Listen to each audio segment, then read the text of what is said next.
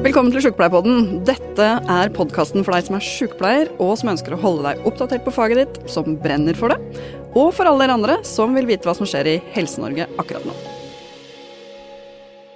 Da er vi i gang med en uh, ny episode av Sjukepleierpodden. Og uh, vi har en veldig hyggelig, klok, reflektert, velutdannet gjest i dag. Nemlig Marianne. Velkommen. Takk. Vi skal til og med si hele navnet ditt, selvfølgelig. Da. Alle kan jo ikke vite hvem Marianne er, men du heter Marianne Hågensen Øyen og er anestesisykepleier. Og så er det vel sånn at som en disclaimer, du jobber også i Sykepleierforbundet om dagen? Ja, i kommunikasjonsavdelinga, faktisk. Ja, hva gjør en anestesisykepleier i kommunikasjonsavdelinga? Du tenker siden vi stort sett bare har sovende pasienter og ikke kommuniserer noe særlig? Det var akkurat det jeg tenkte. det er en myte, Silje. ok. Nei, men helt seriøst, hva gjør du i kommunikasjonsavdelinga? jeg jobber veldig mye med tekst. Eh, og eh, hjelper til å, å, skrive både ting som skal på websida til NSF, eh, hjelper litt til med, med innlegg som skrives av, av dere. da. Mm. Fordi dere skriver jo så himla mye, så da trenger man litt, litt hjelp til det. Og så litt sånn med sosiale medier og ja. Det er spennende. Ja, det er litt det. annerledes enn det jeg har gjort før, da. Vi trenger jo virkelig noe i kommunikasjonsavdelinga også, som har en faglig bakgrunn og dermed kan kommunisere ut fra et sykepleierfaglig perspektiv. Mm. Og denne episoden her, den skal handle om um, å gjøre feil. Mm. Og Lill, når vi snakka om hvem vi skulle invitere til denne episoden, det, var faktisk, det er ikke så lett å finne noen som har lyst til å være med og prate om det. Eh, men Lill hadde et veldig godt forslag, og det var da nei, Marianne. Og det var, da sendte han meg lenken til en tekst du har skrevet. Det var litt derfor jeg spurte hva du gjorde i kommunikasjonsavdelingen. Mm. Fordi du skriver jo veldig flotte tekster, og den teksten der som Lill delte med meg da, det var en tekst du hadde skrevet om å gjøre feil. Mm. Eh, når er den fra, den teksten? Vi skal dele den med lytterne våre på Facebook-sida. Ja, den er jo noen år gammel eh, nå da. Det var i 2017. Og eh, ja. Det er jo litt spesielt, kanskje. Jeg syns det var veldig hyggelig å bli invitert på podkast, eh, men jeg vet ikke helt det å bli invitert på podkast fordi eh, det er du som er eksperten på å gjøre feil. så, eh, så, jeg håper ikke at det er for at jeg gjør veldig mye mer feil enn andre. Det tror jeg ikke. Jeg er egentlig ganske god selvtillit på mine kvalifikasjoner som sykepleier. Og det hadde jeg også da jeg skrev den teksten her, eh, som jeg kalte 'Feil skal feil fordrive', da, men eh, den kom som et resultat av at jeg leste lokalavisen, som da var Nordlys. Jeg jobba på Universitetssykehuset i Tromsø og satt og leste lokalavisen. Og så leser jeg om en sykepleier på et lite eh, sykehjem, eller i hvert fall en liten kommune da, i Troms, som har gjort en grov feil, egentlig. Eh, hun har gitt altfor mye morfin. Mm. Eh, og det får ganske dårlige følger. Eh, pasienten hennes dør. Det er ikke helt klart om det var pga. den morfindosen han dør, da, men, men, han dør i hvert fall. Eh, og dette blir til, selvfølgelig tilsynssak, og, og avisen skriver om det. Og det er jo trasig, spesielt selvfølgelig for pårørende og, og, og den som eh, fikk for mye morfin, da. Men jeg satt og hadde et veldig sånn eh, empati med den sykepleieren. Og så begynte jeg å lese kommentarfeltet. Og da, ja Da var det ganske stygt, det som sto der.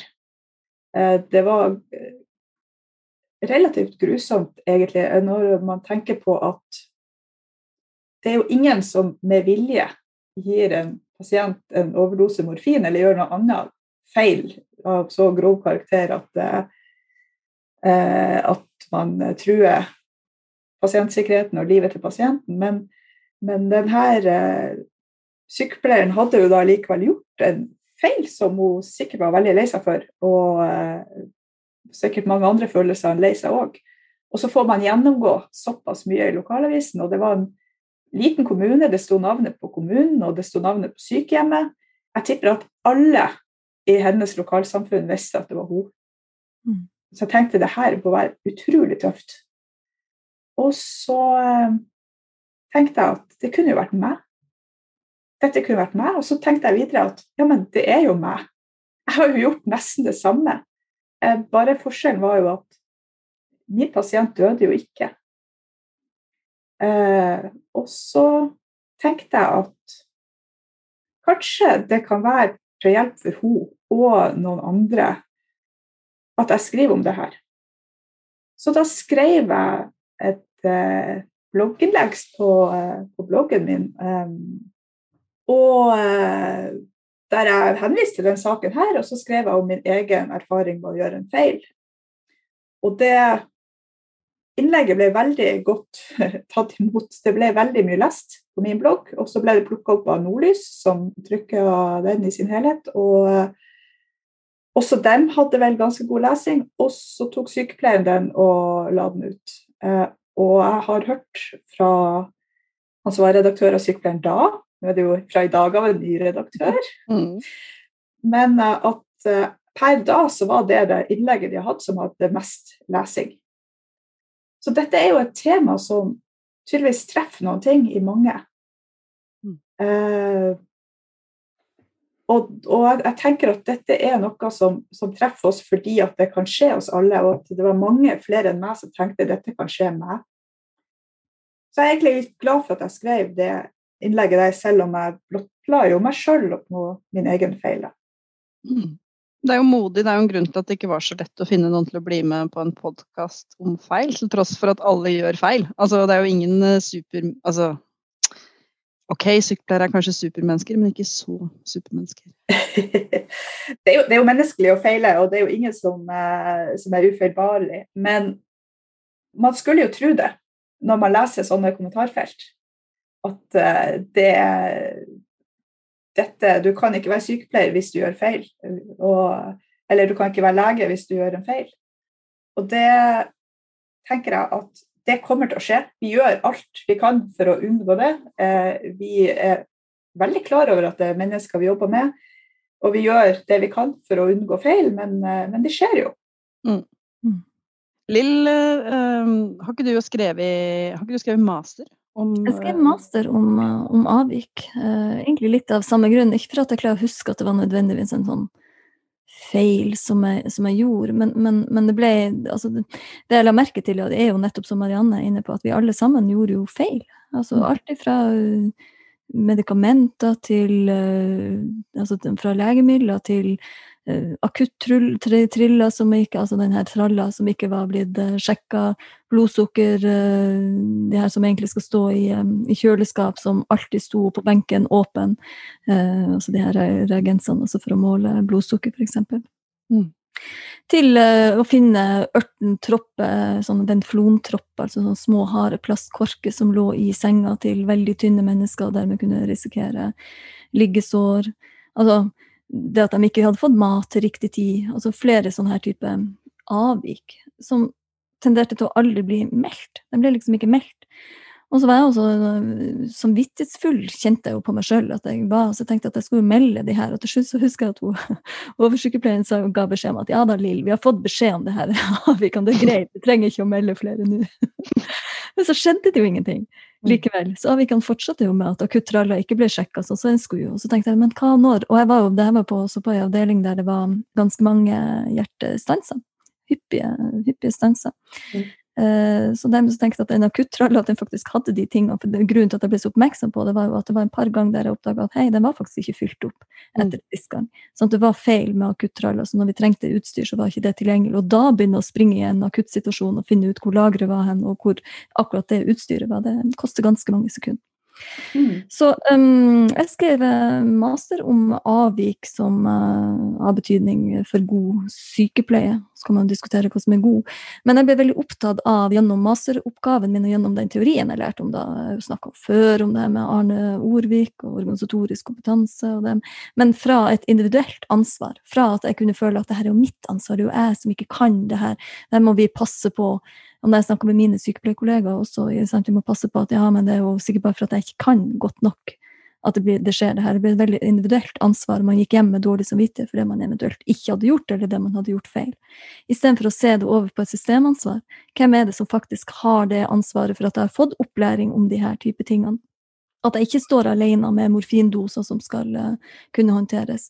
Uh, at, uh, at, vi har en dobbeltkontroll, sånn som retningslinja egentlig er. Og det at vi har ressurser nok til å faktisk sjekke den her akutte tralla når den skal sjekkes, og ikke fordi at vi ikke har tid, og så blir det utsatt, og så blir det et avvik som bare følger på. Så ja, det skrev jeg en, skrev en master om. Det begynner å bli mange år siden, Silje. Jeg tror er 2011. Mm. Mm.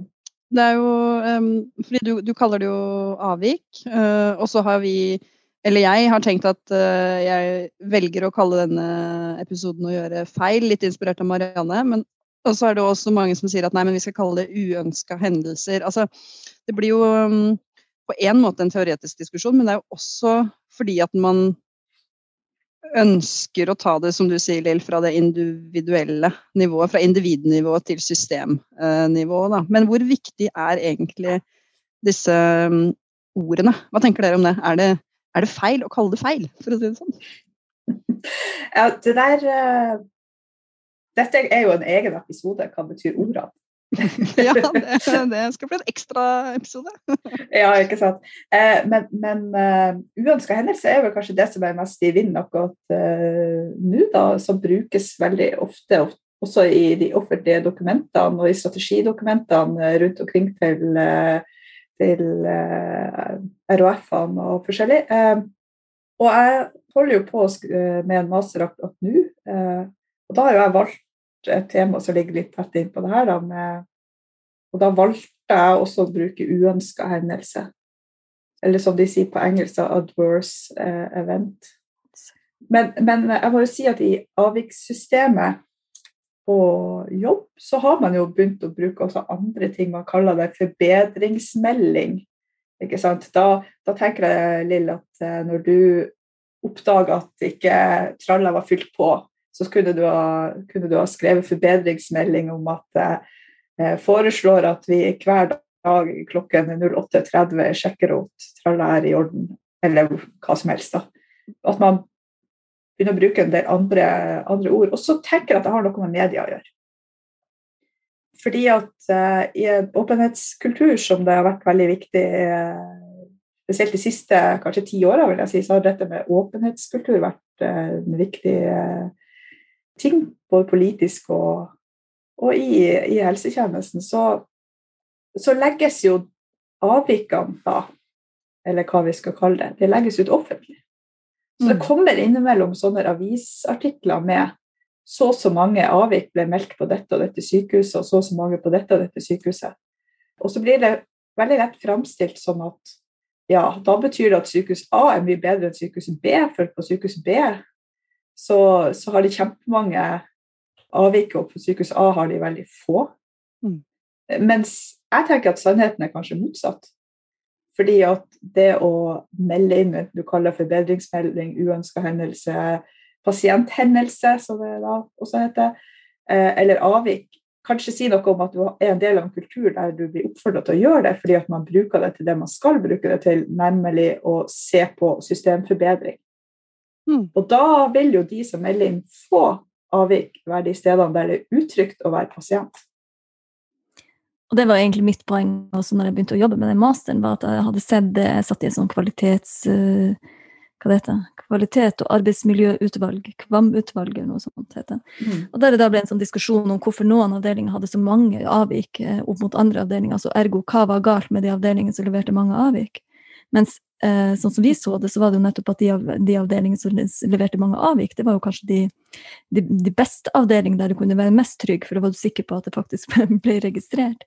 Så det handler masse om kultur, og, og, og så må du ha kultur for å melde, du må ha en leder som faktisk gjør noe med de avvikene, med, med de beskjedene. Det er jo en beskjed som blir gitt om at her er det noe som ikke fungerer. Og så må du selvfølgelig også kunne, kunne melde. Du må ha et system som faktisk fungerer teknisk. Altså at du kommer deg inn jeg husker Det også var en så stor diskusjon. Hvor mange passord måtte du huske for å komme inn i det systemet for å melde avvik? Sånn at det ble avvik på avvikssystemet eh, for at du faktisk ikke kom inn i tillegg.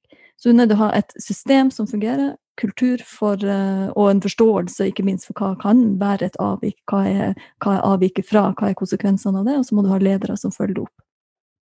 Men, men, så har du likevel det at noen ganger så tenker jeg at, eh, at avvikssystemet på sett og vis det, Poenget med å melde avvik føles noen ganger som at jeg gjør det for å hva man skal si, dekke ræva mi, eller andre sier.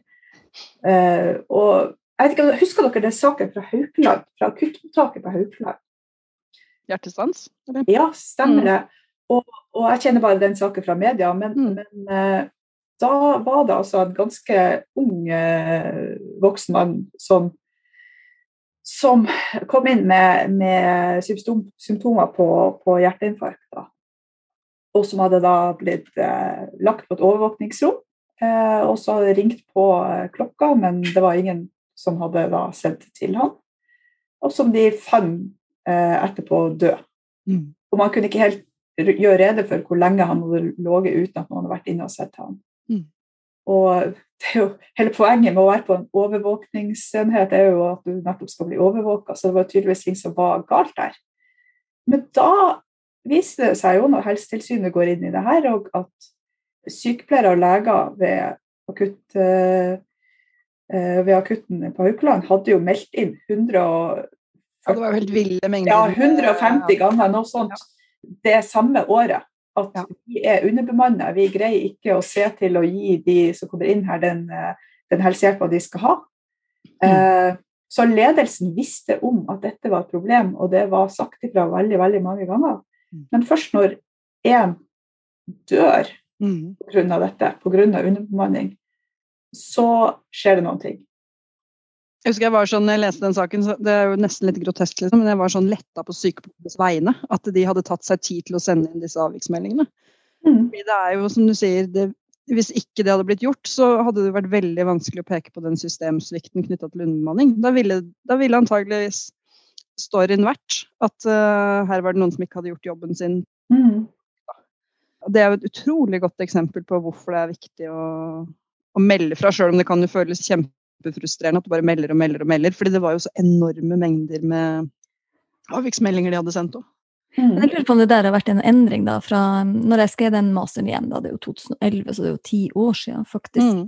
Eh, fordi det jeg så da, var jo at um, for det første så individualiserte man, man, man tok en sånn Sykepleien uh, gjorde en sånn vurdering av at nei, men det her var ikke så alvorlig. Jeg håndterer det, vi løser det bare innenfor vår avdeling. Sant? Så det blir veldig individuelt på dem som sykepleier, på deres kompetanse, men også på ikke læring fremover. Sånn at hvis vi klarer å løse det, så er det ikke vits å melde det som avvik. Da er det bare sånn unødvendig byråkrati, for vi har jo gjort det. Ok, mm. vi oppdaga at vi holdt på å gi feil medisin, men vi stoppa det jo, så det skjedde ingenting. Ergo så trenger man ikke å melde et avvik. Så på den tida så var det en sånn, som sagt, individuelt ansvar, og eh, på avdelinga, altså ikke noe som skulle liksom ha videre læring. Så i det laga du til en sånn manglende organisatorisk kompetanse, så de, har, de løser det der og da, og brannslukking osv., men ikke nødvendigvis ser det som et, i et organisatorisk ledd system for systemlæring. Og så var det noen år etterpå så var jeg lærer eh, på masterutdanninga for student Ingvild Birkelund, mener jeg hun heter, som da tok fra leders perspektiv, og så egentlig på det samme, på hvordan, eh, hvordan lederne oppfatta de avvikene de fikk. Og det som jeg husker som var særlig interessant der, var at lederne beskrev at ja, men avvik, de ønska seg veldig gjerne avvik. De ønska at sykepleierne skulle levere avvik, men ofte så kom det sånn avvik som var ja, vi fikk ikke tid til. Men og så, da? Hva er konsekvensene av at man ikke får tid til? For at leder kunne jo ikke nødvendigvis gå inn og styre den, eh, og gjøre hva du skulle gjøre med det når du ikke var tid til det. Hun trengte også, eller lederne, De ulike lederne trengte også skyts til både politikere, eventuelle økonomer, lederne over seg for å si noen ting. Ja, men ok, det her fører til de og de konsekvensene. Ikke bare at man ikke hadde tid.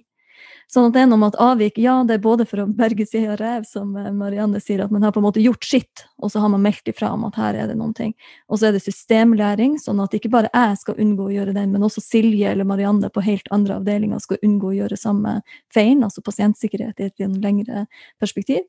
Og så er det også, hvis du skal få ressurser, hvis du skal kunne få gjort noe med det, så er vi avhengig av at vi klarer å beskrive avvikene. Hva er konsekvensene av det vi ser? Og sånn så ble jo det for min del en akuttrall, altså ikke det bare en forbedring, for rutinen var jo der. Rutinen var at den skulle sjekkes hver onsdag klokka ni, eller noe sånt. Og det var fast person som var satt på det, som varierte da i turnus. Men ble satt på. Rutinen var jo der, men det ble ikke fulgt. Og konsekvensene av det var jo at en person kunne risikere, risikere å ikke bli berga for at vi ikke hadde utstyret i orden.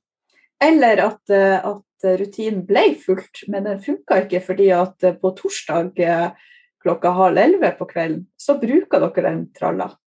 Og så, det, så, trenger den å fylles på etterpå der, men da er det jo nattevakt, og det har vært masse ressurser til en veldig hektisk situasjon. Og så når den er avklart, så er det masse annen jobb som skal gjøres. Så blir ikke det gjort på nattevakta, og så vet ikke dagvakta eller får ikke med seg at det ikke var gjort, og så blir det ingen å sjekke den tralla igjen før neste onsdag klokka ni. Nettopp. Og det er det her som jeg syns er en sånn interessant diskusjon, for det avviksregistrering eh, også kan få betydning for den diskusjonen om hvor mange ressurser trenger du på denne avdelinga. For det er ikke bare til å håndtere den type pasientbehov. Dette er et, eh, et logistikk, det er, en, en, organisasjon, en organisering som også skal driftes.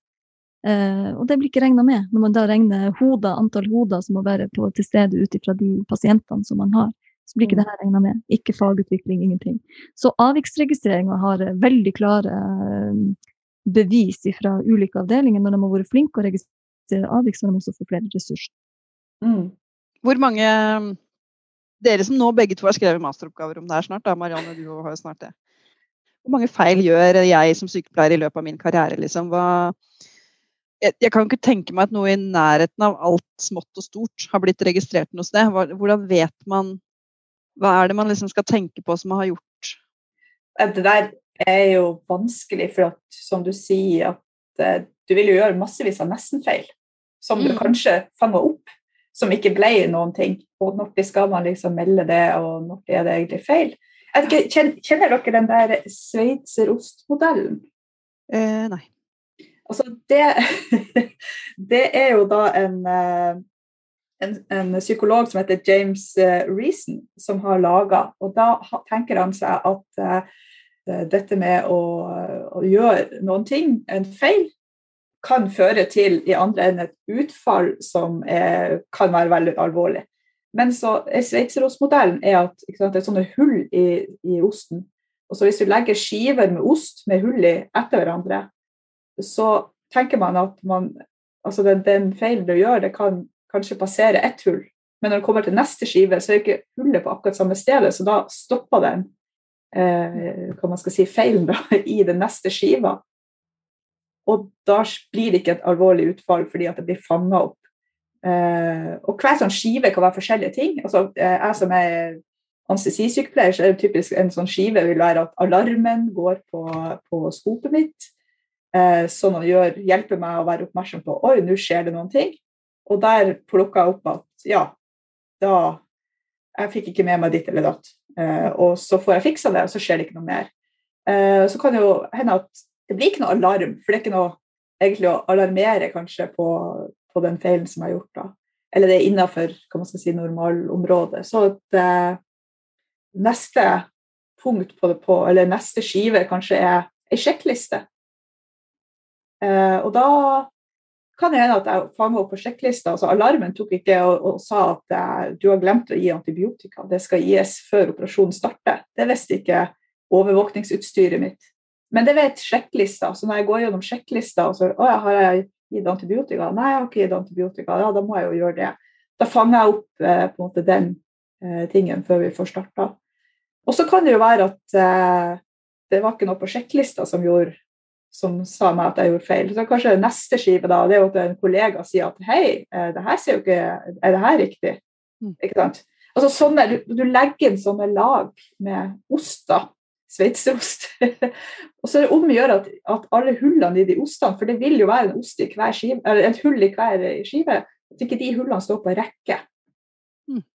Og Det er først når alle hullene står på rekke at, uh, at liksom utfallet blir dårlig.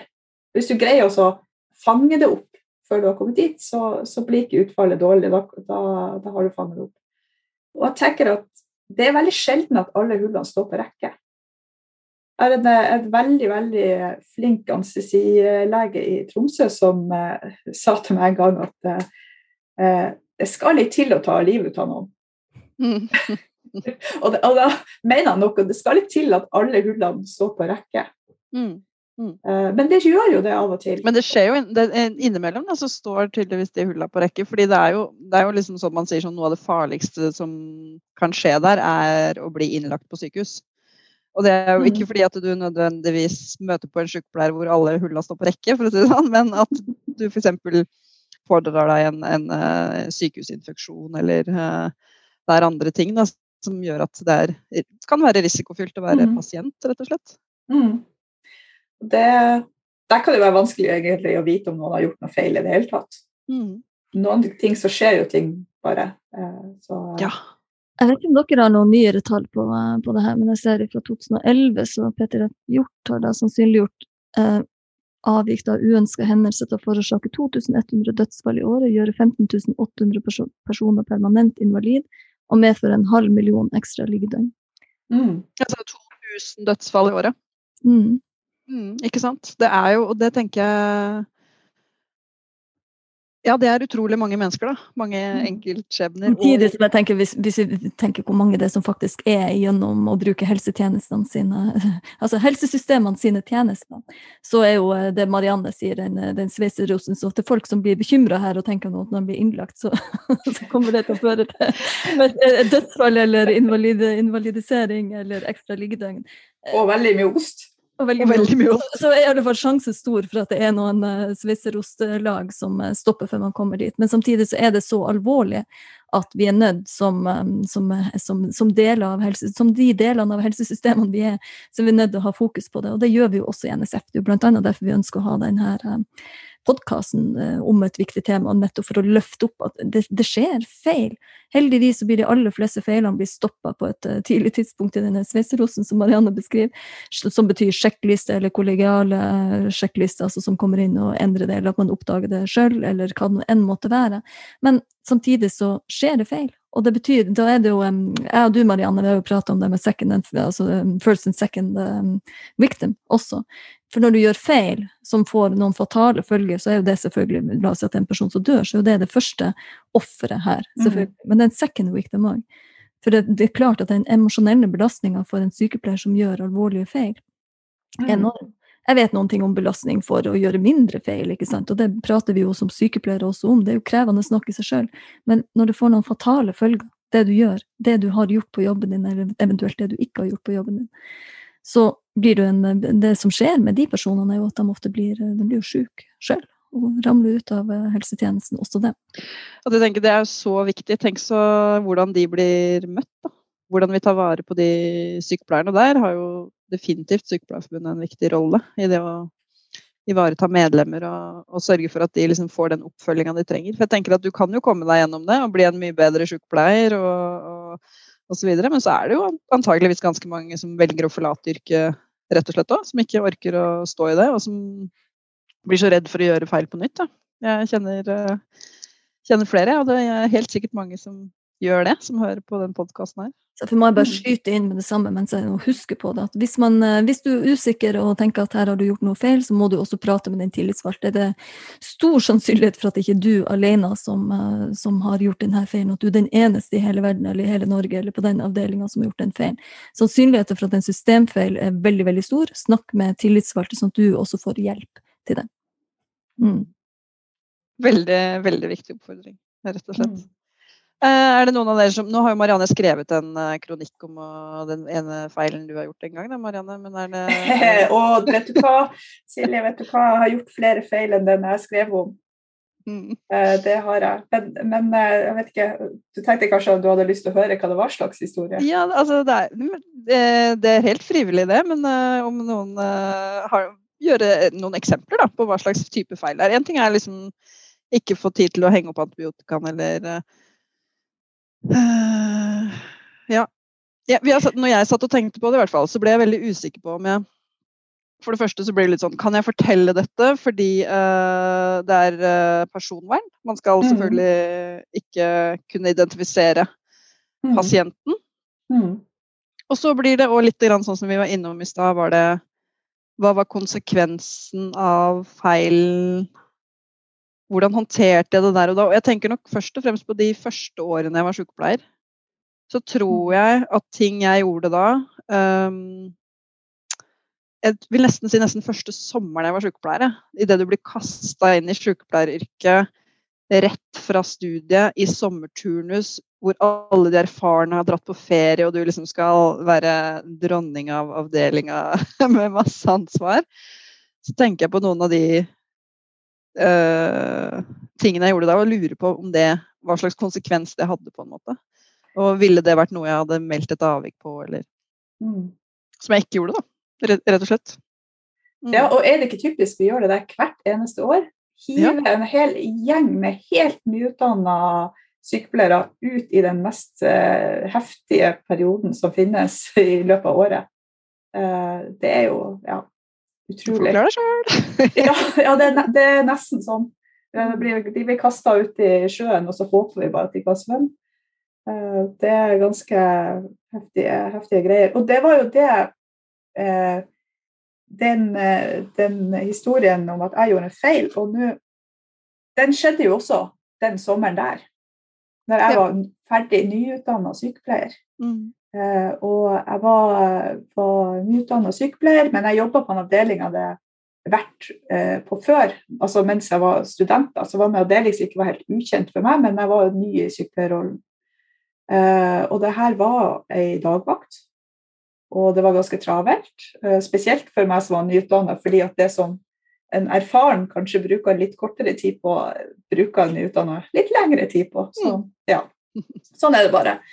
Eh, helt, det var helt på slutten av vakta. Jeg var veldig sånn stressa for å få ferdig alle oppgavene mine. Og, eh, men så hører jeg da, og det er en pasient som har kommet inn samme vakta, og jeg hører sånn, sånn der ja, skrik fra andre enden av avdelinga. Sånn smerteskrik. altså Det høres jo ut Eh, ja. Det var helt forferdelig. Det, det, er sånn eh, Du bare skjønner at her er det noe som har skikkelig, skikkelig vondt. Og eh, det var jeg som hadde det rommet. Det var helt i enden av, enden av avdelinga, selvfølgelig. Og kom meg dit, og da ligger jo den nyankomne pasienten og han vrir seg i smerter og han har det rett og slett skikkelig fælt. Uh, og jeg hadde jo ganske tatt, nettopp tatt imot han, så jeg husker jo også at det sto at han kunne få morfin da, på behovsmedisinen. Eh, hans. Så jeg skynder meg å hente eh, medisinpermen, og der sto det jo behovsmedisin. Eh, og da sto det at han kunne få IV morfin, 25 mg.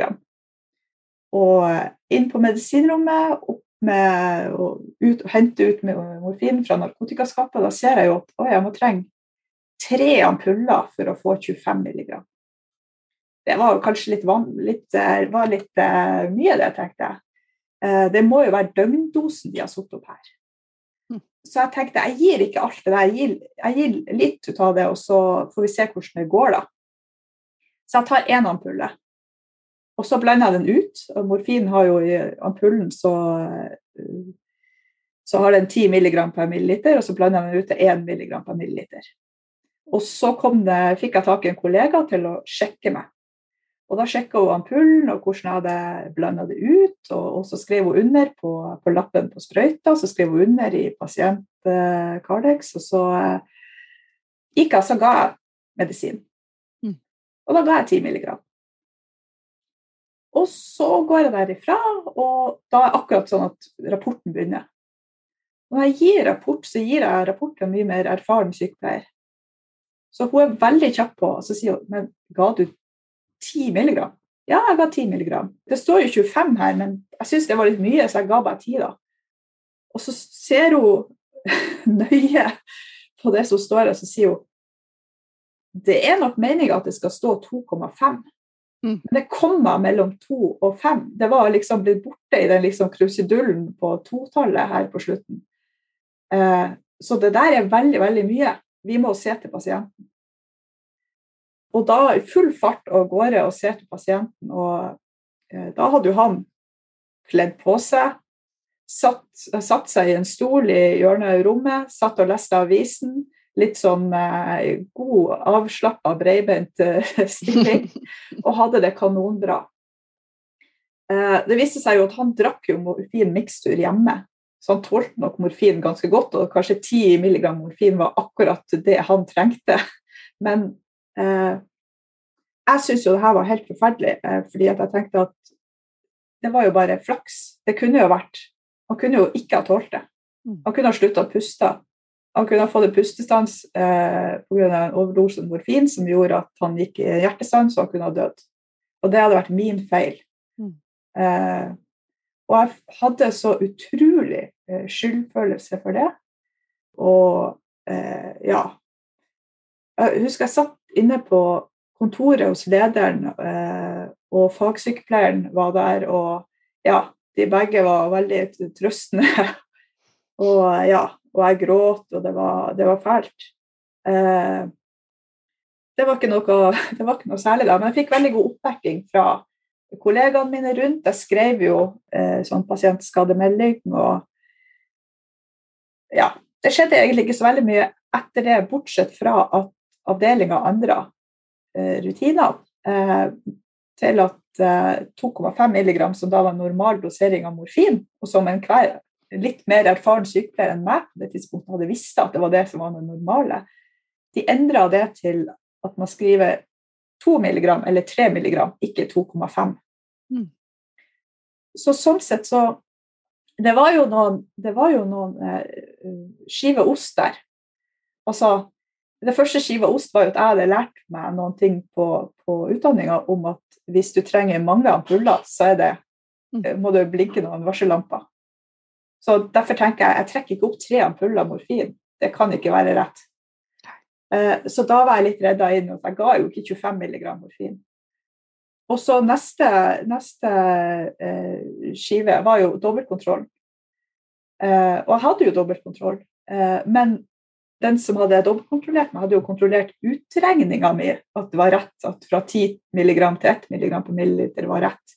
Mm. Uh, og at det sto i, i, i pasientene sin, uh, sin, medisinliste at den kunne få morfin.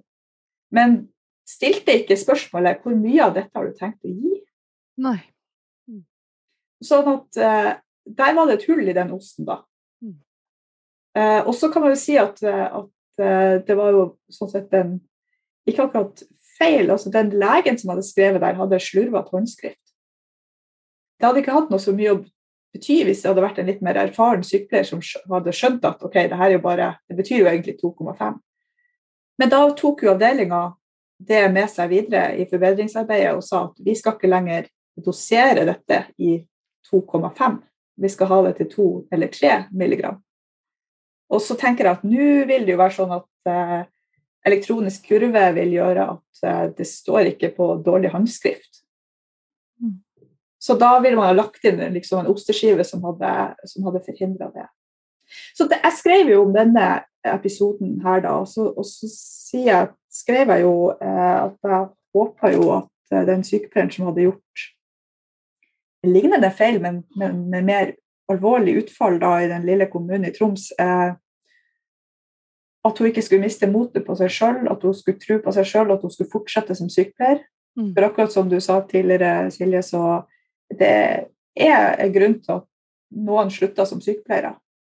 Eh, og, mm. og, sånne episoder som det her kan være en sånn grunn, hvis man ikke har oppbacking rundt seg. Og eh, jeg tenker at det var, det var overraskende tøft å, å egentlig innrømme en såpass, hva man skal si, snill feil som jeg har gjort i hermetegn på den måten at ingenting galt skjedde jo. Altså, pasienten ble ikke skadd, det gikk fint. Men det var en ganske stor belastning. Også mm. jeg fikk stygge kommentarer i kommentarfeltet. Til og med på sykepleieren sin eh, side. uh, i, i, i Facebook-kommentarfeltet på sykepleien. Og da tenker jeg hvordan har det vært for henne? Og da fikk jeg en e-post ei uke kanskje etterpå. Og det var videresendt av en venninne av denne sykepleieren som jeg ikke vet hvem er, eh, i den lille kommunen. da. Og hun hadde videresendt en melding til meg hun, eh, der hun bare ville si at hun hadde satt veldig, veldig stor pris på det innlegget, og at dette hadde vært veldig, veldig tøft for henne. Og litt sånn skrevet hvordan det hadde vært for henne. Og da, da kjente jeg bare at herregud, det var så verdt det. Altså for meg å ta den når det betydde det for henne. Og så tenker jeg at sånn vil det være for veldig mange. At vi som er mer eh, erfaren og står tryggere i faget, kan være åpne om våre eh, eh, ja, både feil, men også hva man skal si, uønska hendelser, som man sier da. For at det, når man bruker ordet feil, så sier du jo at det er min feil. Mm. Og som Lill sa, da, at det, noen ganger så er det ikke min feil kanskje direkte, det er systemet sin feil. Og noen ganger var det ikke det jeg, ikke, var det, ikke det jeg gjorde, det var det jeg kanskje jeg føler jeg burde ha sett. Så det ja, det var jo en av de konklusjonene som jeg gjorde også i den masteroppgaven, var jo nettopp det om at um, når du er mer erfaren så det er et lederansvar, men det er også en faglig ledelse i alle vi som har jobba noen år med å kunne si noen ting om, om, de feilene vi har gjort. Og når du da møter de her helt uh, nyutdanna som har en forventning om at de selvfølgelig skal klare seg sjøl, det er en stolthet i det også. Uh, og kanskje har du ikke noen å spørre heller. Så det å være tydelig Jeg har gjort det til alle studentene har, har hatt, og vært veldig tydelig på når de skal ut i praksis, at alle gjør feil. Så når jeg kunne fortelle noe om mine feil, så ble det kanskje lettere for dem også å kunne spørre og tørre å spørre, sånn at man skal unngå å gjøre fatale feil. For at du må i hvert fall tørre å spørre er det her egentlig helt riktig. Hvis du tror du må klare det helt selv, og alle gjør noe feil, og at ingen andre gjør feil, så tør du heller ikke å spørre, og det er farlig. Ja, og så Det som også skjedde etter denne dette innlegget mitt da, i 2017, det var at eh, studentforeninga til medisinerstudentene i Tromsø kontakta meg og ville gjerne at jeg skulle holde et, eh, et, foredrag for dem om egentlig samme tema. da. Eh, og så kunne ikke jeg. Og så sier de ja, om jeg kunne finne, visste om noen andre, så kunne jeg gjøre det i stedet for meg. Helst en lege, da. Og så eh, ble det da sendt ut en mail, sendte jeg ut en mail da, til alle uh, anestesilegene uh, i, i, Tromsø. Alle de fikk en, fikk en, mail med spørsmål om det er noen av dem som kunne tenke seg til å snakke med medisinstudentene om dette temaet. Og kanskje veldig fint hvis de hadde en egen historie de kunne dra frem, da, og hvordan de hadde takla det. Og da fikk jeg veldig lite respons. Det som var av respons, var at ja, veldig viktig tema, skulle gjerne gjort det, men har ikke gjort noen feil. Har ingen Oi, historie. Har ikke gjort noen feil, ja. ja. Mm. mm. Som gjør at Ja, det syns jeg var litt spesielt. Uh, jeg tenker at det ikke er sant, rett og slett. Det har vel noe med at det er litt sånn kanskje stigma å stå frem om sine feil og fortelle om dem. Ellers så har man kanskje litt dårlig selvinnsikt, og det tror jeg faktisk ikke om mine kollegaer da, i Tromsø, egentlig. Men, eh, men, det er tøft. Og i ettertid oppe i Tromsø så opplevde jeg at en anestesisykepleierkollega gjorde en alvorlig feil, da, som kunne ha forårsaka død på hennes pasient. Eh, hun gjorde alt rett med en gang hun oppdaga feilen var gjort, sånn at pasienten overlevde. Og dette var en meget erfaren eh, kollega som jeg så og ser veldig opp til. Og hun var veldig åpen i kollega om hva hadde skjedd, og hvorfor hadde skjedd, og hva hadde hun gjort. Hun var veldig åpen med pasienten. Hun gjorde absolutt alt rett. Men den belastninga det hadde for henne, var eh, enorm. Eh, og så det sier jeg da bare har sett henne utenifra, at dette var, dette var heftig. Mm. Jeg det, men jeg tror den åpenheten, da, Ikke, jeg tror det er så utrolig viktig. Både for den mm. som gjør feilen, uh, men også ikke minst for mm, kolleger og pasienter og pårørende. For dette, det handler jo om tillit til um, hele helsetjenesten, tenker jeg. At du skal ha tillit til at når vi gjør feil, fordi det er menneskelig å feile, det tror jeg alle mm. skjønner, utenom de aller sinteste folka i kommentarfeltet, uh, så um, skal vi ta eierskap til den feilen, og vi skal se på hvordan vi kan endre systemet sånn at det ikke skjer igjen. Ikke og det kan jo være enkle ting som, som, ikke var på plass, som gjorde at den feilen ble begått. Mm. Uh, men det er jo som regel noe på systemnivå. Må, og det at det er så få da, som tør å snakke åpent om det, det tenker jeg er en, uh, en svakhet. Altså, jeg prøvde en del å finne noen som hadde, som hadde, historier å fortelle til dette, og det var ikke så lett. Når jeg uh, fikk uh, mitt andre barn, så var det på Lillehammer sykehus. Og der er det en fødselslege som har vært veldig åpen om en feil han gjorde som, som fødselslege, som resulterte i at det barnet døde. Hvor han da tok avgjørelsen om, om uh, hasteseksio for seint, at barnet var uh, dødt, rett og slett. Og han har vært veldig åpen om det. Det var han som tok imot barnet mitt, fordi jeg trengte litt mer hjelp enn en eh, jordmor. Um, og, jeg, og, jeg, bare kjente så umiddelbart tillit til den mannen. Fordi jeg visste hva slags eierskap han hadde tatt til den feilen. Fordi han hadde vært ute i media, fordi jeg veit at foreldrene til det barnet som døde, hadde en god relasjon til den legen i etterkant som hadde tatt fullt ansvar, og de hadde endra rutinene sine, og han hadde fått tatt imot det neste barnet deres. ikke sant? Mm. Jeg bare kjente at det ga meg jo en sånn utrolig tillit til at han var en lege som ønska å hva skal jeg si, gjøre det beste for pasienten sin, da. Mm. Uansett. Så jeg tenker at det, Og det er litt sånn når vi har snakka om Lill eh, i forhold til uh, covid, uh, og hvordan vi ber om at myndighetene er så åpne som mulig i forhold til de eh, avveiningene som man gjør, må gjøre på ting som er bra og ting som er vanskelig. At det bygger faktisk tillit. Og det tenker jeg sånn er det litt med feil i helsetjenesten også. Eh, for oss som pasienter, og, og, og for oss som helsepersonell, selvfølgelig. Mm. mm. Det, det, som er litt sånn interessant, syns jeg, da, eh, det er at pasientsikkerhetsarbeidet og pasientsikkerhetsprogrammet det her eh, I trygge hender 24-7, som gikk eh, noen år, og, og eh, våre politikere og fagmyndigheter også har vært veldig opptatt av pasientsikkerhet, med rette, og det er viktig. Og der har man vært, hatt stor fokus på dette med å ha åpenhet om feil. Mm. og om oppfølging av pasienter og pårørende som har vært utsatt for disse såkalt uønska hendelsene. Men man har ikke samtidig vært like opptatt av å ivareta og følge opp den som har gjort feil. Og det tenker jeg er et kjempeminus. Det må, gjøre, det må være sånn at det er at vi tar vare på de folkene som blir stående eh, i disse situasjonene. Og Lill nevnte jo dette med å bli second victim. Og det er jo et begrep som, eh, som, brukes om eh, helsepersonell som blir emosjonelt eh, traumatisert da, eh, etter å ha vært med i alvorlige eller utilsikta hendelser.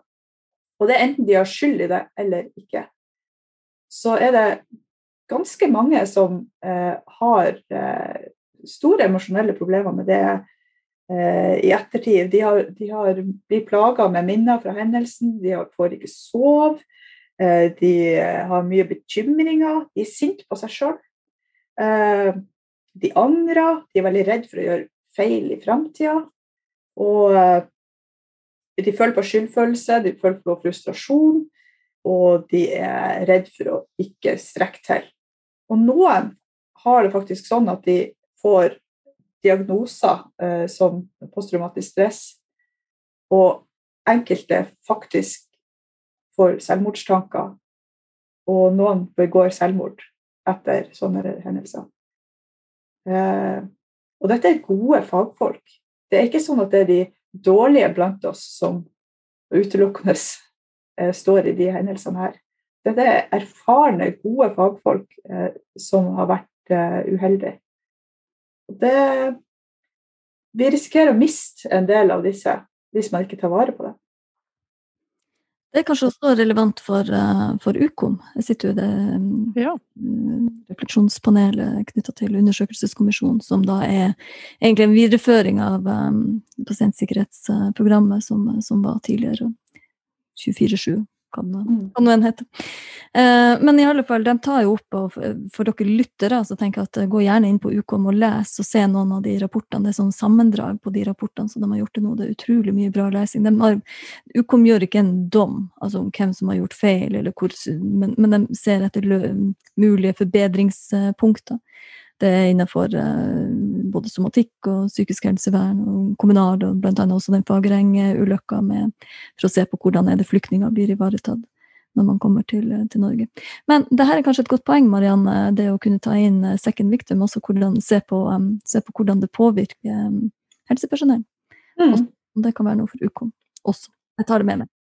Ja, det er bra. Ta med det. det jeg syns jo det burde ligge i nasjonale retningslinjer. Eh, at det må inkluderes hvordan, det perspektivet med hvordan man tar, eh, tar vare på helsepersonell mm. som har vært i, i eh, uønska pasienthendelser.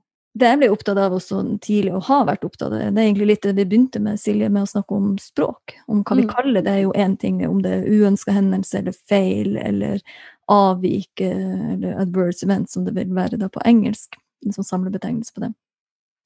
Men det andre er jo hvordan forstår vi likevel hva er feil, eller hva er avviket, hva er den uønska hendelsen? Kan, kan, vi lage det innenfor en eller annen form for typologi? For det som gjerne blir innenfor pasientsikkerhetsprogrammet, f.eks., så er det jo sånn, mm. sånn som du kan putte inn i en sjekkliste. Ok, legemiddelfeil, har du gitt en feil medisin, så er det helt klart avvik, da. Det er jo en mm. feil.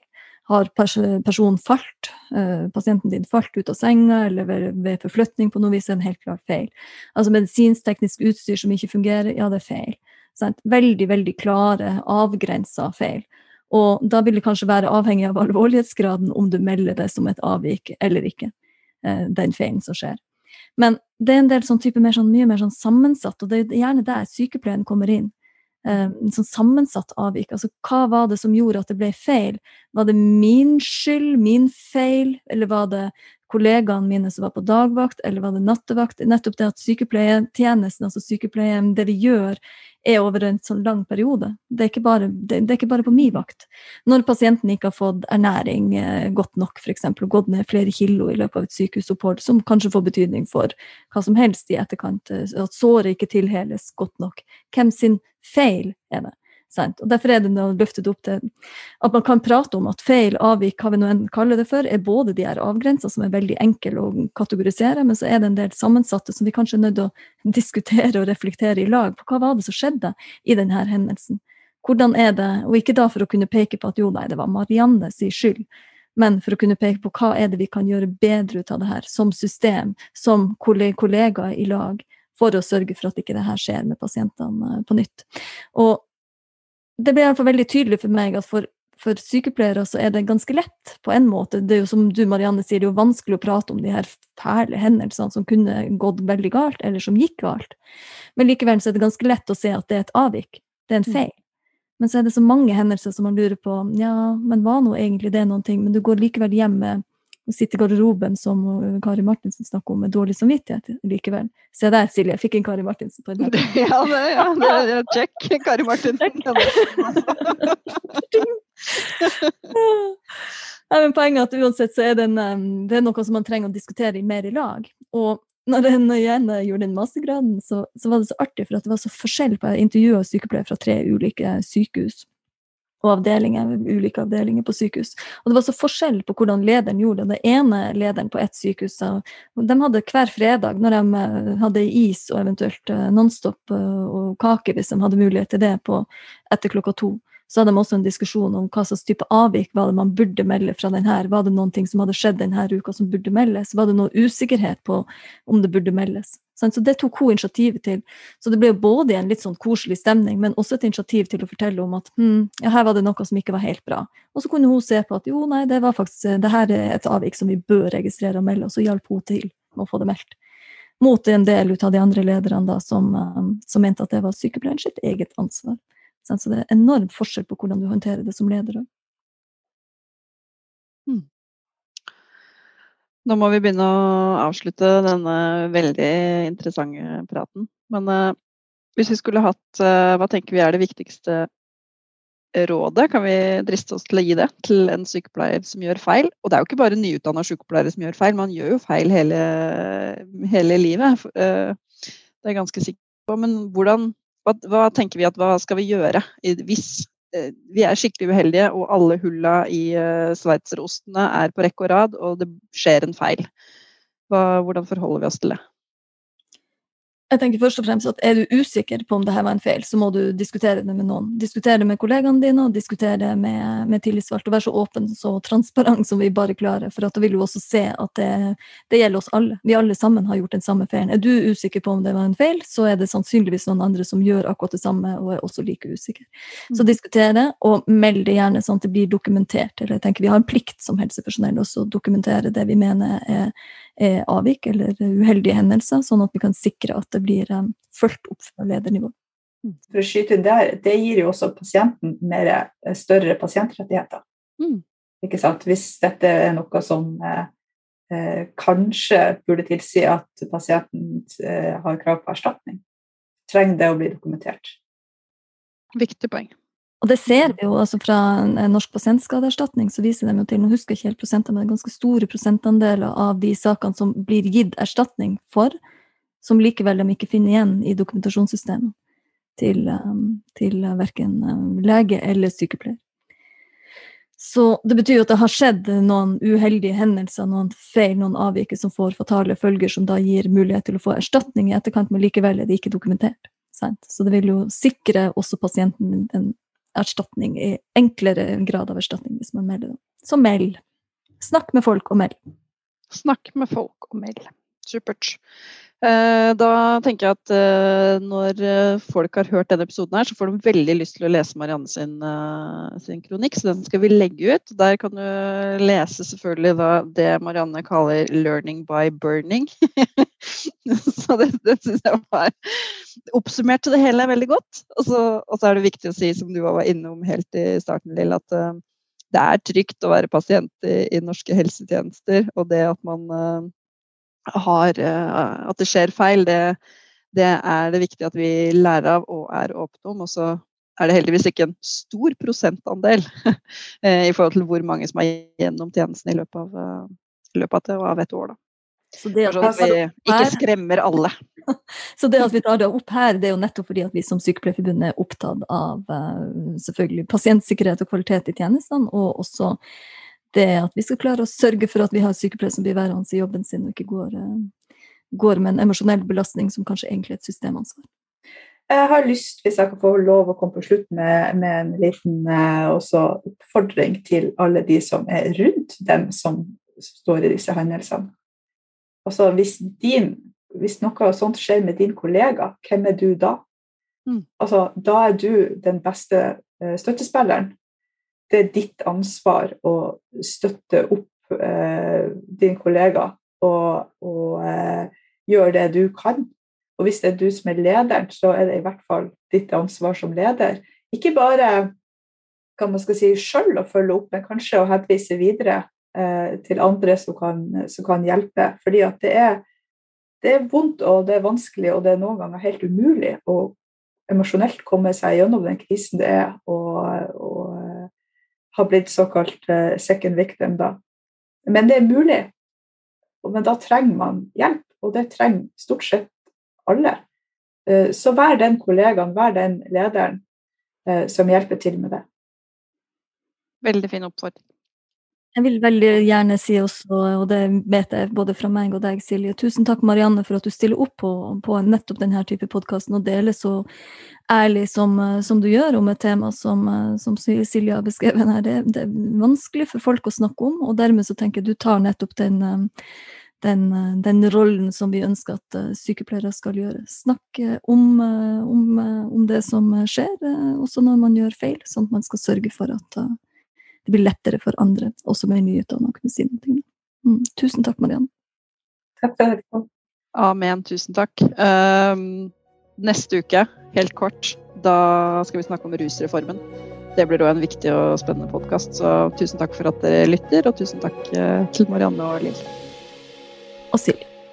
Og Silje.